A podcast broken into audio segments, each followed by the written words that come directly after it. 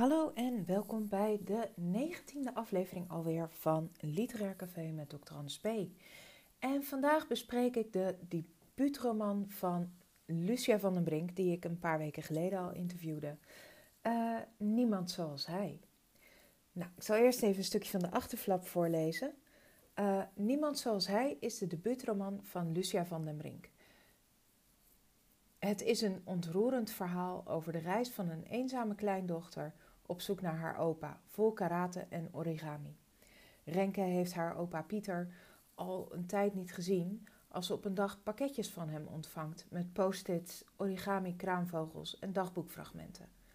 Opa Pieter is naar Japan vertrokken nadat hij gediagnosticeerd was met de spierziekte ALS. Waar Renke alle tijd van de wereld heeft, weet hij dat zijn dagen geteld zijn. Hij probeert er het beste van te maken en wil karatetraining volgen bij zijn vriend Yamada.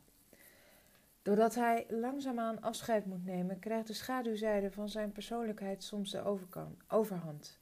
Als Renke haar baan verliest, reist ze opa achterna in een ultieme poging hem nog te leren kennen. In Nederland was ze dagelijks bezig met het delen van haar leven op haar blog en social media kanalen, maar tijdens haar reis komt ze er juist achter dat niet alles te delen valt hoe graag ze dat ook wil.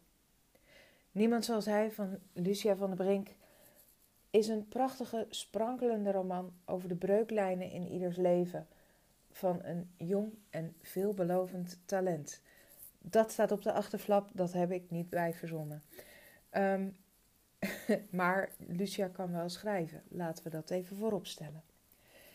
Uh, Renke heeft haar, uh, laat haar kantoorbaan en haar vrienden achter zich en gaat op zoek naar haar opa in Japan. En ze volgt de woest golvende rivier die als metafoor wordt gebruikt voor het onzekere bestaan als blogger, zonder baan of vast inkomen. Ze zwerft door Japan, want ze weet niet precies waar haar opa is. En dat vind ik erg moedig van Renke. Ik geloof niet dat ik dat zou kunnen. Dus ja, Renke is een dapper meisje. We leren opa kennen door de dagboekfragmenten die Renke leest. En opa Pieter is zijn dagen aan het aftellen, want hij heeft ALS. De fragmenten van opa geven een rustpunt in het verhaal. En de tempowisselingen tussen de fragmenten van opa en het leven van Renke met telefoon, social media en blogs vind ik heel goed beschreven. Een heel mooi stukje uh, zit eigenlijk al gelijk in het begin en dat gaat over kintsugi. En het kan zijn dat ik het verkeerd uitspreek, dus um, neem me dat uh, niet kwalijk. Kintsugi dus. Zo heet de techniek waarmee je een perfecte imperfectie maakt. Als je gebroken bent, betekent dat niet automatisch dat je lelijk bent. Na een breuk ontstaat ruimte. Dat is de plek voor het goud. Als je het een kans geeft, maakt het je mooier dan je ooit bent geweest. Nou, wat is nou die techniek precies? Um, in Japan, als een kopje breekt of er komt een scheurtje in, of een vaas of iets anders wat breekbaar is, dan gooien ze het niet weg zoals wij in het Westen. Maar dan uh, zorgen ze ervoor dat ze dat met een beetje goudverf uh, ja, repareren. Waardoor je ziet dat het uh, kopje eigenlijk leeft. Um, het is net als, net als uh, mijn huis. Uh, mijn huis is altijd een beetje rommelig. En uh, ja, ik leef in mijn huis. En uh, er zijn mensen die alles keurig op een plek hebben. Moeten zij weten, helemaal prima. Um, maar ik wil graag, ja, ik, ik hou van dat beetje rommel in mijn huis. Nou, ik was natuurlijk vooral benieuwd naar de karatefragmenten. En uh, die heb ik dan ook met heel veel plezier gelezen.